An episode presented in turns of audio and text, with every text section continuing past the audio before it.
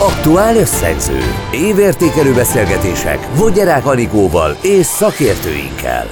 Köszöntöm Önöket a szerkesztő Hazafi Zsolt nevében is. Amerikai félidős választás, Svédország, Finnország NATO csatlakozási kérelme, brit miniszterelnök csere, csak pár téma az orosz-ukrán háború mellett, amely 2022-ben a világban történt. A mai adásban arra vállalkozunk, hogy az idei év meghatározó külpolitikai eseményeit vegyük sorra.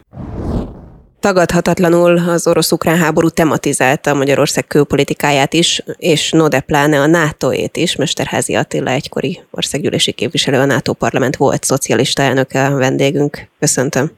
Én is üdvözlöm Önöket.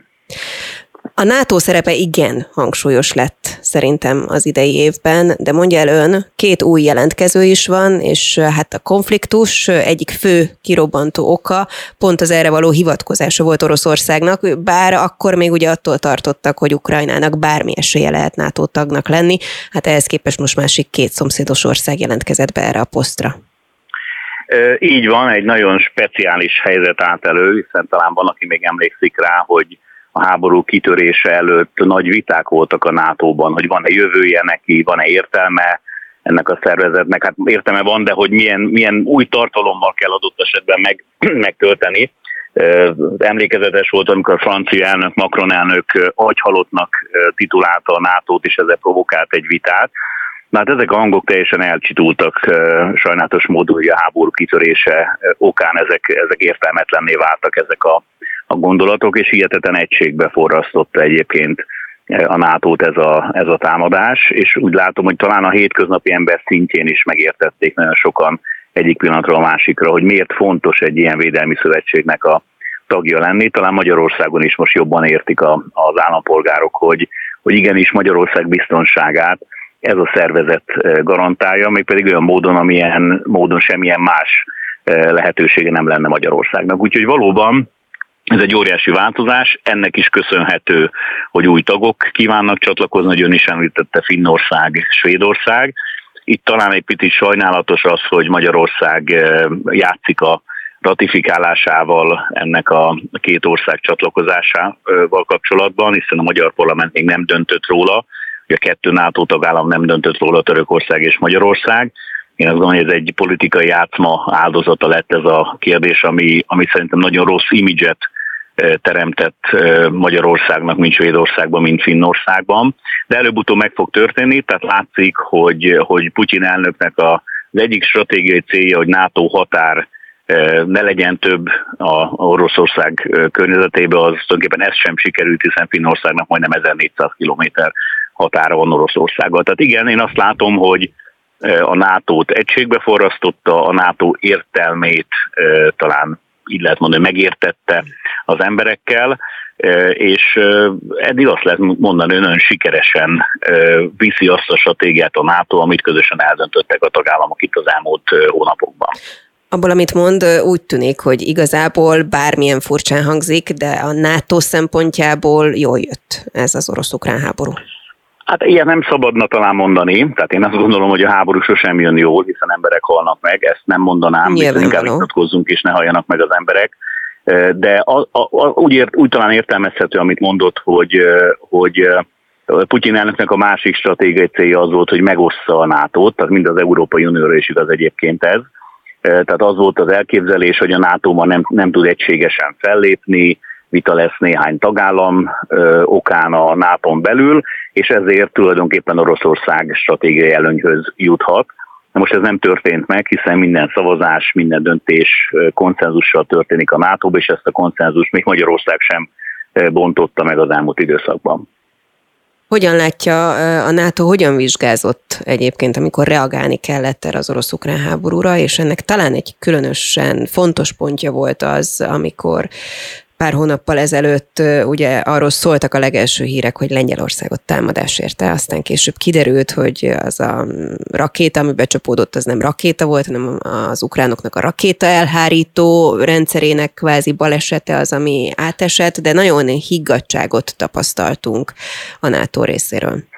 Igen, általában ilyenkor megy mindig egy kommunikációs csata is, tehát nem csak a a csatatéren háborúznak az emberek, hanem a kommunikáció területén is van egyfajta háború, egy stratégiai kommunikációs háború, és ebben néha ugye túloznak a különböző felek, ez igaz az oroszokra leginkább, néha-néha azért az ukrán fél is védi a saját pozícióját, és próbálja ugye ösztökélni a, a, a támogatottságot, hogy, hogy minél többen támogassák őket ebben a küzdelemben, és bizony a NATO is bent van ebben a, a háborúban, ebben a kommunikációs háborúban, és én azt látom, hogy a főtitkár úr is, Stoltenberg főtitkár úr is nagyon higgadtan és jól kommunikált ezekben a, a súlyos időszakokban, és ennek valóban egy, egy kiemelkedő pillanata volt, amikor, amikor szerintem mindenki érezte, hogy itt ez egy, ez egy nagyon, nagyon feszült pont, és ebben mind a NATO, de meg kell említeni az amerikai Egyesült Államok elnökét is, aki nagyon higgadtan és az első pillanattól kezdődően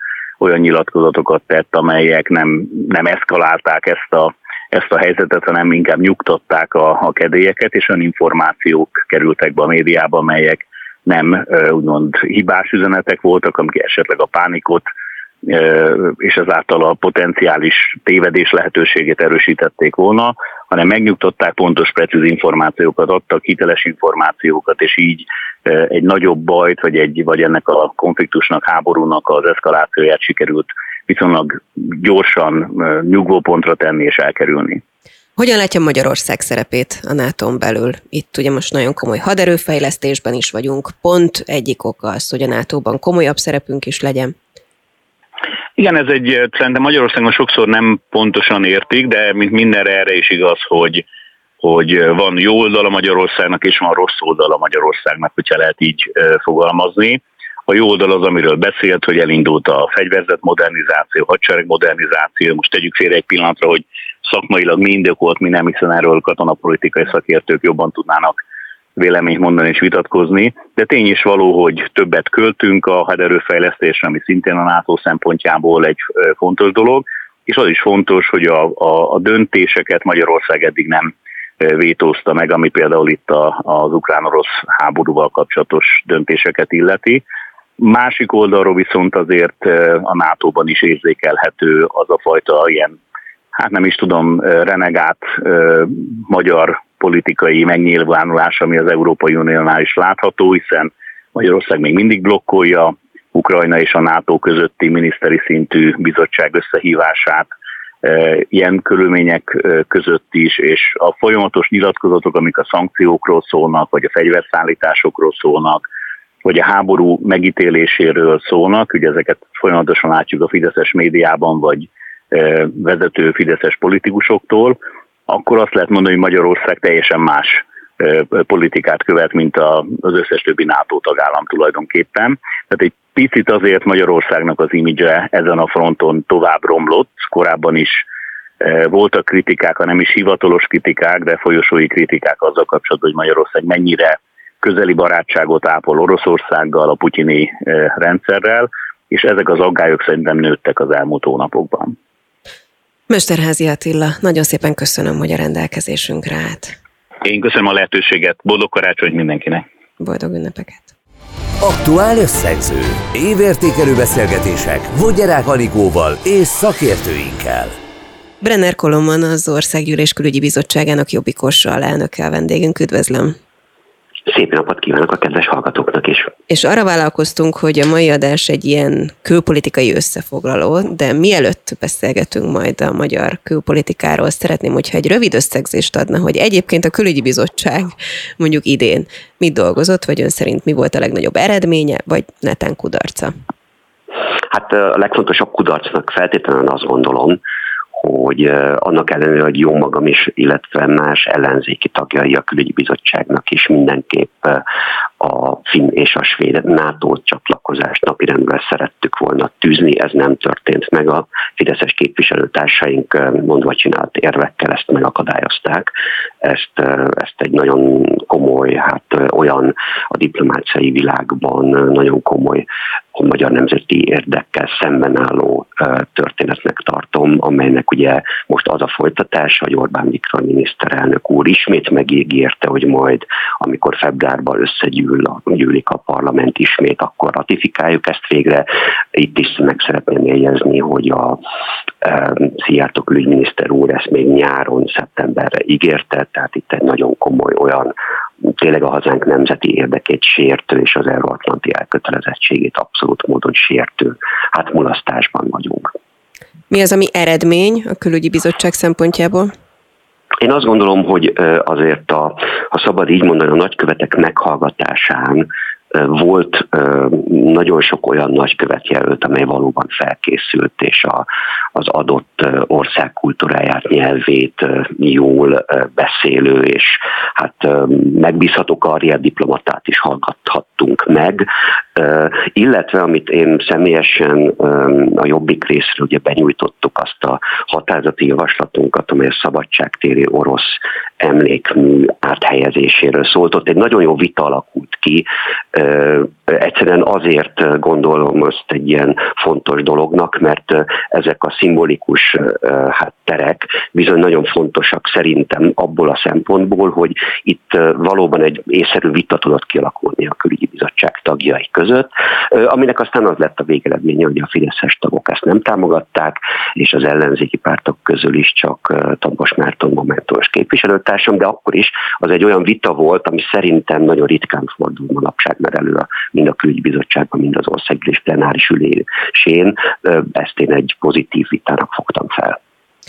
És akkor térjünk át a magyar külpolitikára, amelyet hát sokszor ért az a kritika az idei évben is, hogy egyfajta hintapolitikát végez a magyar kormány, kommunikációs szempontból is, hogyha például az orosz-ukrán háborúról beszélünk, akkor is sokszor felmerült ez, no de pláne mondjuk az unió kapcsán, szankciók kapcsán is, hogy mást kommunikálunk odakint, mint idehaza. Összességében hogyan látja a magyar külpolitikát? Hát ez egy hosszú folyamat, amely most már több mint 12 évet tart az én szememben, amelyben hazánk külpolitikája kibillent abból a jó egyensúlyból, ami a mi véleményünk szerint, mint felelős konzervatív párt véleménye szerint ahhoz szükséges lenne, hogy a magyar nemzeti érdeket a lehető legjobban tudjuk képviselni. Mire gondolok? Tehát gyakorlatilag az, hogy mind nyugat felé, mind kelet felé, ha csak lehet kiegyensúlyozott politikai és gazdasági kapcsolatokra kell törekedni egy Európa szívében lévő országnak, mint hazánk. Ez valahol természetes. Ugyanakkor volt egy Szent Istváni hát stratégiai döntése hazánknak, hogy a nyugati kereszténységhez és a nyugati integrációhoz kíván csatlakozni.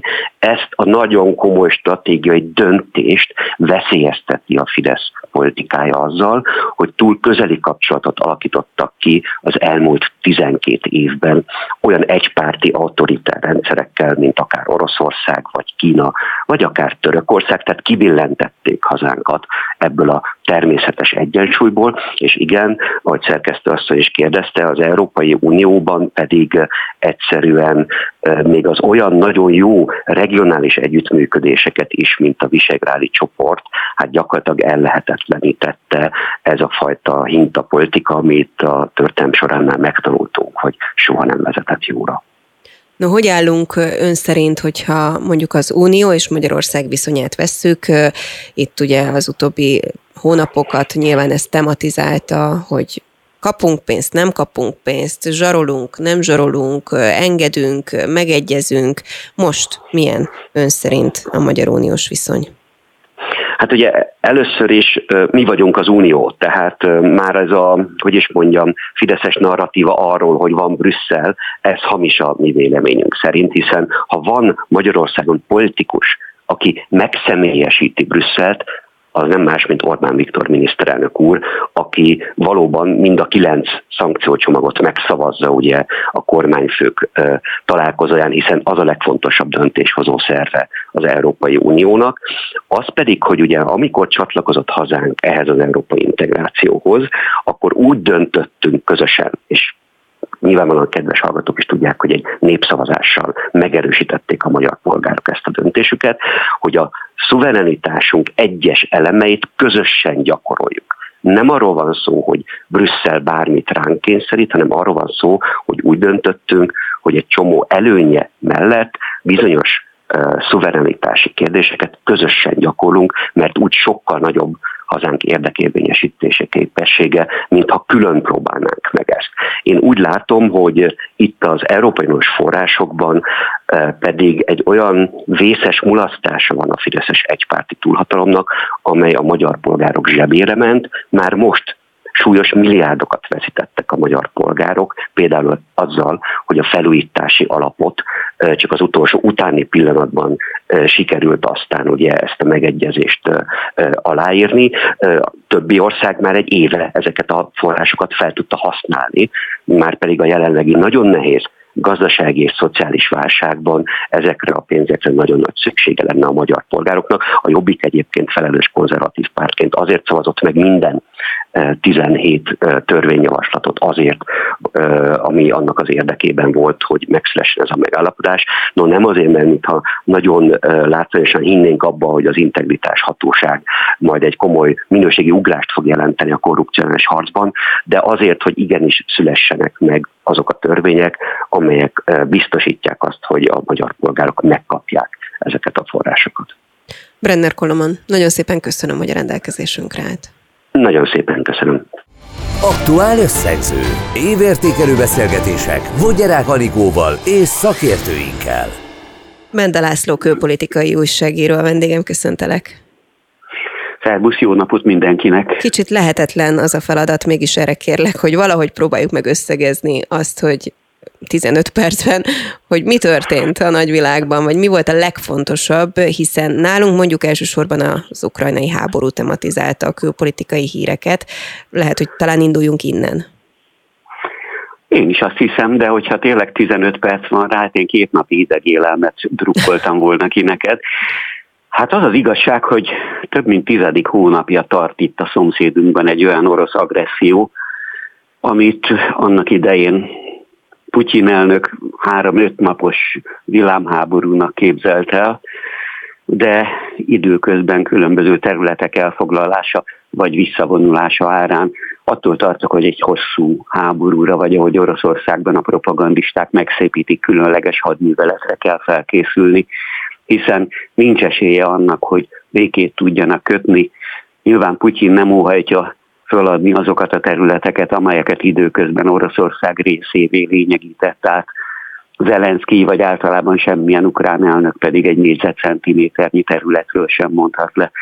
De ebben a tekintetben azt hiszem, hogy az év végén akár jelképesnek is tekinthetjük, hogy amikor a háború kezdete óta Zelenszky először kitette a lábát Ukrajnából, akkor Washingtonba látogatott hozzáteszem elnöksége idején már másodízben, ahol Biden elnökkel tárgyalt, a kongresszus előtt beszédet mondott, sőt aznap délelőtt még a front legelső vonalába tett látogatást, és Biden megígérte neki, hogy az Egyesült Államok Patriot légvédelmi rakéta rendszereket szállít majd Ukrajnának, egy új segélycsomagot több mint két milliárd dollár értékben, további 45 millió dolláros egyéb segélyt és humanitárius gyors segélyt küld majd Úgyhogy ez mindenképpen jelentős, még akkor is, hogyha faarccal Zelenszky a kongresszus előtt azt mondja, hogy hát igen, ez se lesz elég, mert sajnos, tényleg tekintsenek el ettől a követeléstől, de sajnos nálunk háború dúl.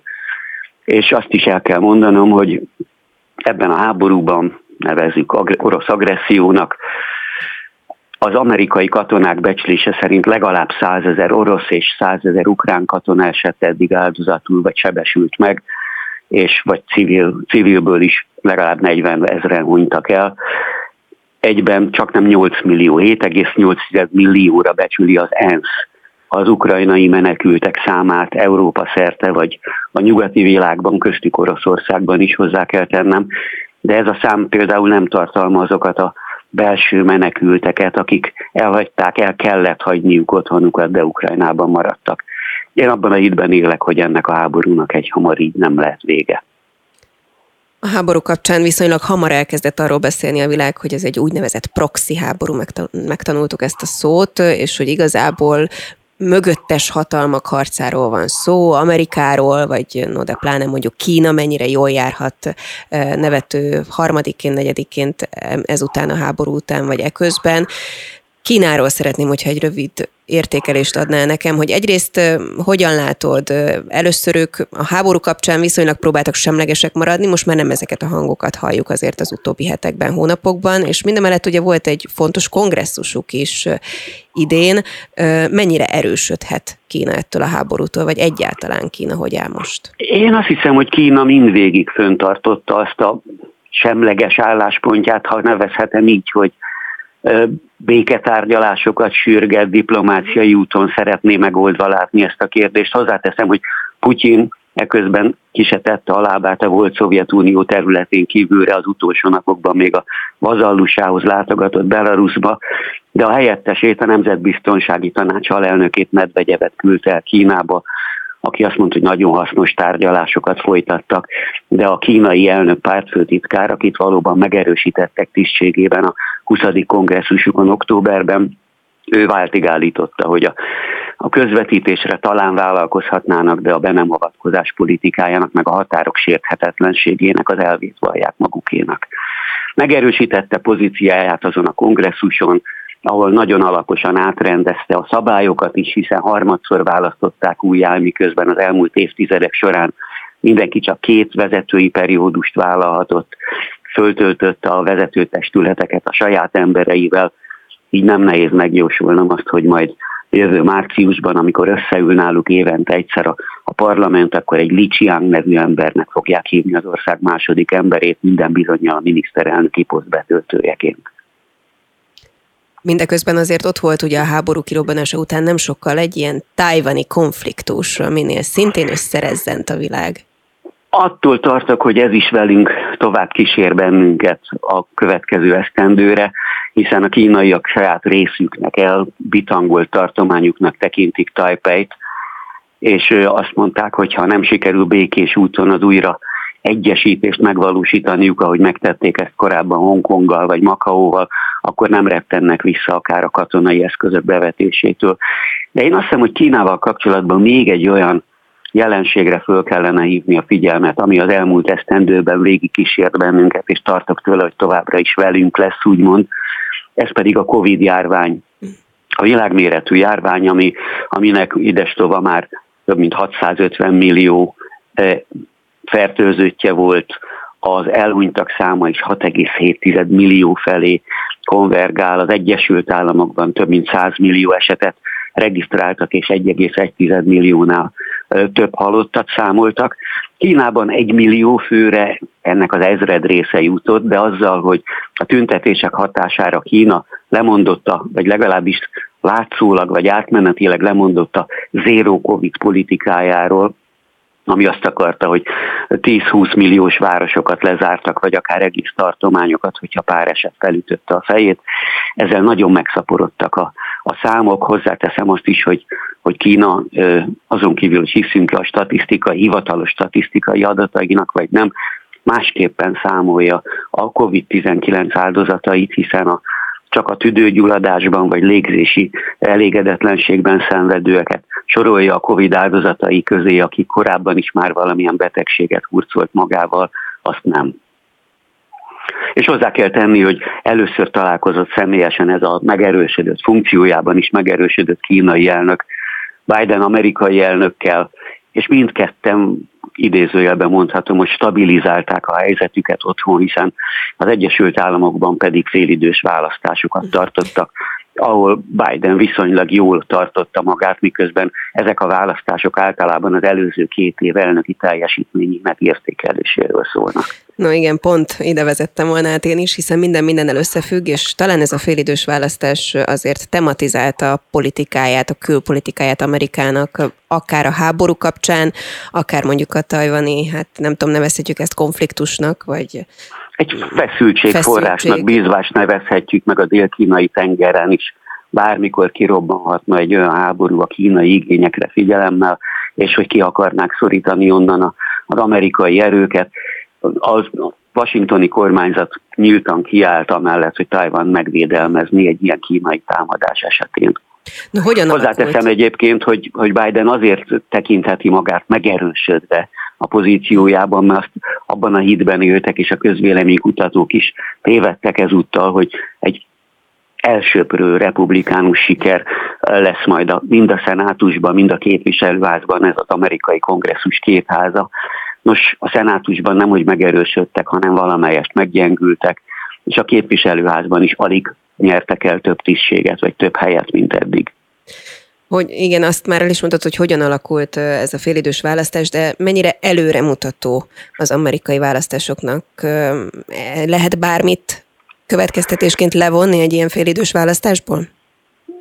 Lehet részkövetkeztetéseket levonni, tehát a, a demokraták adják például a szenátusban a különböző bizottságok elnökeit, és hozzáteszem azt, hogy bár közben egy demokrata szenátorasszony függetlennek minősítette át magát, de mint hogy a szenátusban egy egál szavazat esetén a mindenkori alelnököt hívják meg, és az ő szavazata dönt, aki maga is Kamala Harris, egy demokrata politikus, így ebben megerősödni látszik az amerikai elnök vagy a demokrata párt, és hozzáteszem, hogy már meglebegtették, hogy Biden jó lehet már most az Egyesült Államok mindenkori legidősebb elnöke.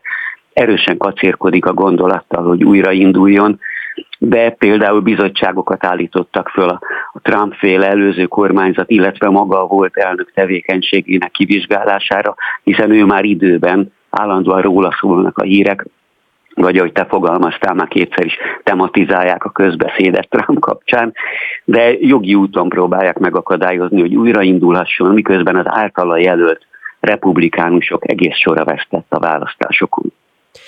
És hát van még egy ilyen nagyhatalom, vagy nem tudom, egy kisebb nagyhatalom, akiről mindenképp szeretném, hogyha beszélnénk, Nagy-Britannia, akiket ugye azért a Brexit eléggé megtépázott, és hát volt egy egészen furcsa, vagy számunkra furcsa miniszterelnöki csere is.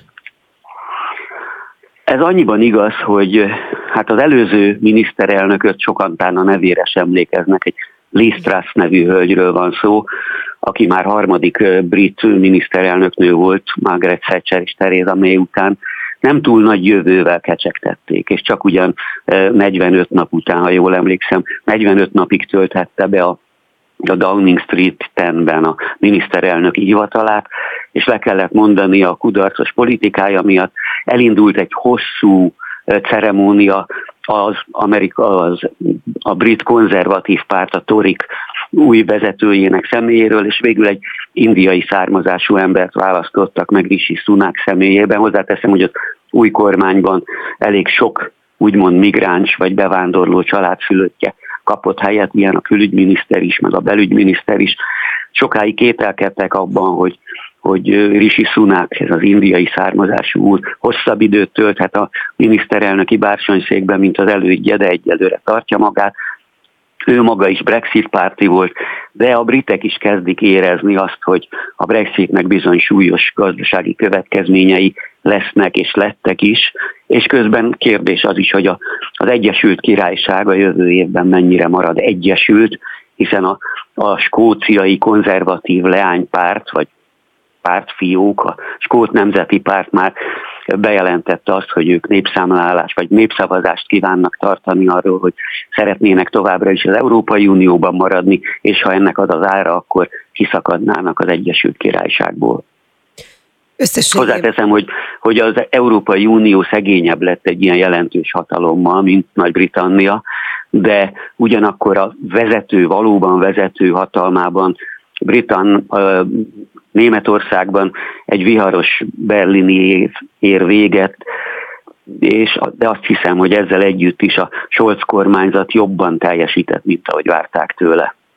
Összességében te hogyan látod Európa szerepét ma, illetve 2022-ben erősödött, vagy gyengült a háború például, pont hogy az összefogást segítette, itt a közös Az összefogást kapcsán. segítette, de nem kis gazdasági áron, hiszen az Európai Uniónak több országa, például az imént említett Németország is nagyon erőteljesen függött az orosz nyersanyagok, illetve energiahordozók beszállításától. Ez nagy próbatételt jelentett sok európai ország számára, és a brit kilépés, a Brexit is én azt hiszem, hogy meggyengítette azt az Európai Szövetséget, Európai Uniót, amely amúgy is vesztette a jelentőségéből az Egyesült Államok és főriválisa Kína versenyfutásához képest. Nagyon nehéz lesz fölkapaszkodni olyan harmadik hatalmi központtá, mint amit Brüsszelben megálmodtak.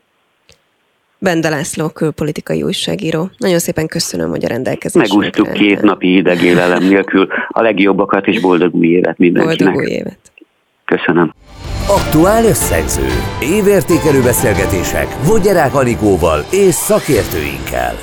Itt van velünk telefonon Prőle Gergely, volt Berlin nagykövete, a Nemzeti Közszolgálati Egyetem Stratégiai Tanulmányok Intézetének igazgatója. Köszöntöm. Üdvözlöm, üdvözlöm a hallgatókat is. Amikor külpolitikáról beszélünk, akkor tagadhatatlanul az egyik legfontosabb ország Németország, aki felé tekinteni szoktunk, és arra kérem, hogy egy rövid összegzéssel kezdje, hogy miután egyébként minket Németország szerelőműhelyének is szoktak hívni, jelen pillanatban milyen a magyar és német kapcsolat? Hát talán érdemes egy kicsit messzebbről indulni, mert ez a mögöttünk hagyott vagy hagyandó év, ez ugye nagyon sok olyan változást hozott, ami gyökeresen felforgatta az egész európai, vagy ha tetszik az egész világpolitikát, és uh, talán első helyen a, a, a német külpolitikát is uh, nagyon sajátos módon változtatta meg. Hogy, hogyha visszatekintünk a kicsit több mint egy évvel ezelőtt létrejött koalíció szerződésére, ugye Németországban új kormány alakult, akkor már minthogyha egy másik galaxisban, vagy egy másik évszázadban lennénk, azok az elvek, amik ott megfogalmazódtak, azokat egy szempillantás alatt írta felül a reálpolitika, és pedig egész konkrétan Ukrajna-Oroszország általi lerohanása. Tehát valami olyan döbbenetes módon köszöntött be a reálpolitika, a legbrutálisabb valóság az európai politikai életbe és a politikai gondolkodásba is, hogy ezt Németországban, ami talán a legideológikusabb, a, a leginkább értékek mentén, önmagát értékek mentén megfogalmazó módon közeledett ezekhez a kérdésekhez, ott, ott érte el a legnagyobb változást. Talán érdemes azt kiemelni, hogy ez a bizonyos Zeitenwende, amit a kancellár mondott, tehát hogy egy pillanat alatt megváltozott az idő, ami oda vezetett, hogy rögtön előkerült 100 milliárd euró a hadsereg fejlesztésére, amire ugye nagy szükség volt hiszen teljesen elhanyagolt állapotban volt. Ez jelzi ennek a, a, a változásnak a brutalitását. De természetesen itt azért kellett mindezt elmondani, hogy végül is a kérdésére válaszoljak, mert a magyar-német viszonynak tényleg van egy nagyon jelentős gazdasági egymásra utaltsága, és ez nagyon fontos elmondani, hogy ez egy egymásra utaltság. Nem egy egyirányú utca, bár természetes, hogy ebben Németország az erősebb partner, tehát nagyobb a függőség Magyarország részéről. Ugye a német autóipar jelenlétét sokat szoktuk emlegetni, valóban ez a magyar GDP-ben is, de hát a német gazdaság állapota szempontjából is egy nagyon fontos elem. Ami még nagyon fontos az az, hogy Németország és Magyarország ugyanolyan módon nagyon nagy mértékben kitett az oroszországi nyersanyag szállításoknak, tehát akár a kőolaj, akár a földgáz szempontjából itt van egy nagyon jelentős hasonlóság. Ezeket csak azért soroltam, mert ezek mind-mind olyan területek, ahol a két ország helyzete nagyon hasonló, és, a, és a, az egymásra utaltság, vagy bizonyos értelemben a szolidaritás az egy ebből a szempontból magától értetődő dolog lenne. De ugyanakkor a politikai szembenállás olyan mértékű és olyan nagy a különbség a jelenlegi német és magyar kormány politikai filozófiája, gondolkodása között, hogy sajnos ezek a stratégiai egymásra utaltságok gyakran zárójelbe kerülnek, és sokkal inkább hallatszik az, ami a politika felszínén, a politikai kommunikáció berkeiben zajlik, és ott bizony elég harcias állapotok uralkodnak. No, az mit jelent, hogy harcias állapot? A német, és egyébként ugye a holland parlament is a közelmúltban például olyan határozatot fogadott el, amely alapján a kormányok nagyon szigorúnak kell lenniük, hogyha lehet ezt a kifejezést használni, és figyelni azt, hogy Magyarország megjavult-e. Van egy érdekes kettősség ebben, mert a, a, egyfelől ott van a egyfelől ott van a, az a tény, ami valóban a, a reáliák szintjén megmutatkozik, erről az imént már beszéltem. Ugyanakkor van egy nagyon jelentős nyomás elsősorban a sajtó részéről, ami, ami Magyarországot nagyon-nagyon rossz fényben tünteti fel. Akár a, az orosz-ukrán háború kapcsán az orosz pártiság nagyon gyakran előkerül, akár pedig egyéb jogállamisági, média szabadsági kérdések is, ezek, ezek szinte naponta napi renden vannak, és ugye azt el lehet mondani, hogy Magyarország az Európai Uniós fórumokon nem az olcsó népszerűséget keresi, de hát azt is el lehet mondani, hogy a miniszterelnök Orbán Viktor egy olyan európai, sőt világpolitikai jelentőségi politikussá nőtte ki magát, ami a sajtóbéli említések kapcsán korábban elképzelhetetlen sem volt egy magyar miniszterelnök ügyében. Ez a fajta jelenlét és negatív image a német sajtóban, ez lassan-lassan átszivárog a politika területére is, hiszen a német sajtó, és erről nagyon érdekes mostanság, nagyon sok vita folyik ott is, egy nagyon sajátos helyzetben van abból a szempontból, hogy sokkal inkább politika csinálóként jelenik meg, mint sem a, a, a híradások szolgáltatójaként. Tehát nagyon nagy, a, nagyon nagy a befolyásuk arra, hogy a politikusok mit gondolnak. Úgyhogy ezért is mondtam, hogy a, a nagyon fontos gazdasági és geostratégiai összefüggések, amik a két országot továbbra is egy szövetségesi helyzetben tartanák, ezeket felülírják ezek az ilyen típusú kritikák. Kimondható az, hogy Angela Merkel hivatali időszakához képest romlott egyébként a magyar-német kapcsolat? Én azt hiszem, hogy ez bátran kimondható. Angela Merkel, ő maga is egy nagyon praktikus és pragmatikus politikus volt, de azért ott még ne felejtsük el, hogy az ő időszakának jó részében a Fidesz az Európai Néppártnak volt a tagja, és azért ez a fajta pártcsaládon belüli szolidaritás ott sokkal inkább megvolt. Tehát Angela Merkel sokkal rezisztensebb volt a sajtóból egyébként már akkor is jelentős mértékben jövő nyomással szemben, és pedig, hogy Magyarországot el kell ítélni, vagy bűnbokká kell tenni, ugye ízlés kérdése, hogy melyik részét hangsúlyozzuk. Tehát az ő idejében ez még azért lényegesen jobban elvált egymástól.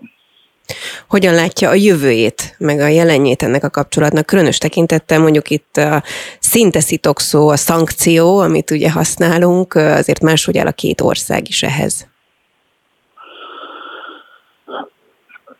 Ez a változás, ami az elmúlt most már több mint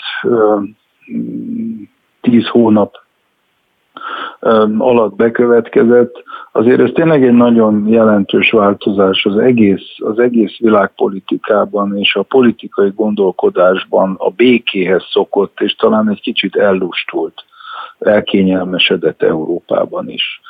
Tehát az a reálpolitikai megközelítés, amit egyébként a magyar miniszterelnök nagyon régen követ, és ami többször igazat is adott neki, gondoljunk csak a, a migrációval kapcsolatos 2015-ös Magyarországot ért éles kritikákra, amik aztán így vagy úgy, de végül is Európai Uniós dokumentumokba is bekerültek már, mint az akkori magyar pozíció a, a, a külső határok védelmével kapcsolatban. Tehát az a fajta reálpolitikus megközelítés, ami, ami a magyar álláspontot mindig jellemezte, ez most arra azt mondhatjuk, hogy beérett. Tehát bármi szomorú is ezt kijelenteni, mert lássuk be, ez egy szomorú tendencia, hogy ilyen vérzivataros időszak köszöntött ránk. Ez azt mutatja, hogy, hogy mindenkinek föl kellett ébredni. Én számomra az a legnagyobb kérdés, hogy hogy tudjuk a bizalomépítés jegyében folytatni az ezzel kapcsolatos sikerélményünket, ha mondhatok ilyet. Tehát igazunk lett, igaza lett a magyar miniszterelnöknek nagyon sok mindenben, és ezt mások is tudják. Mégis döntő jelentőségű az, hogy miképpen lehet, és nem csak a, a, az uniós pénzek miatt, hanem általában az ország hosszú távú elfogadottsága, mozgástere, gazdasági, védelmi, politikai, kulturális mozgástere szempontjából őrült fontos az, hogy a bizalomépítés területén milyen messzire tudunk jutni. Szerintem a 2023-as év legfontosabb kérdése lesz az, hogy ebben Magyarország mennyire lesz sikeres. Ön mennyire bizakodó végszóra? Én mindig bizakodó vagyok, ugye én a nevezett közszolgálati egyetemi tevékenységem mellett Habsburg Otto hagyatékát is gondozom, és ő volt az, aki javíthatatlan optimista volt. Ez a keresztény hitéből is, mint ahogy az enyémből is eredeztethető. Én azt gondolom, hogy optimistának kell lennünk, és egyúttal mindent meg is kell tennünk abban a ügyben, annak érdekében, hogy ez a bizalomépítés sikeres legyen. Prőle Gergely volt Berlin a nagykövet. Nagyon szépen köszönöm, hogy a rendelkezésünkre állt. Én is köszönöm mindenkinek boldog új évet kívánok.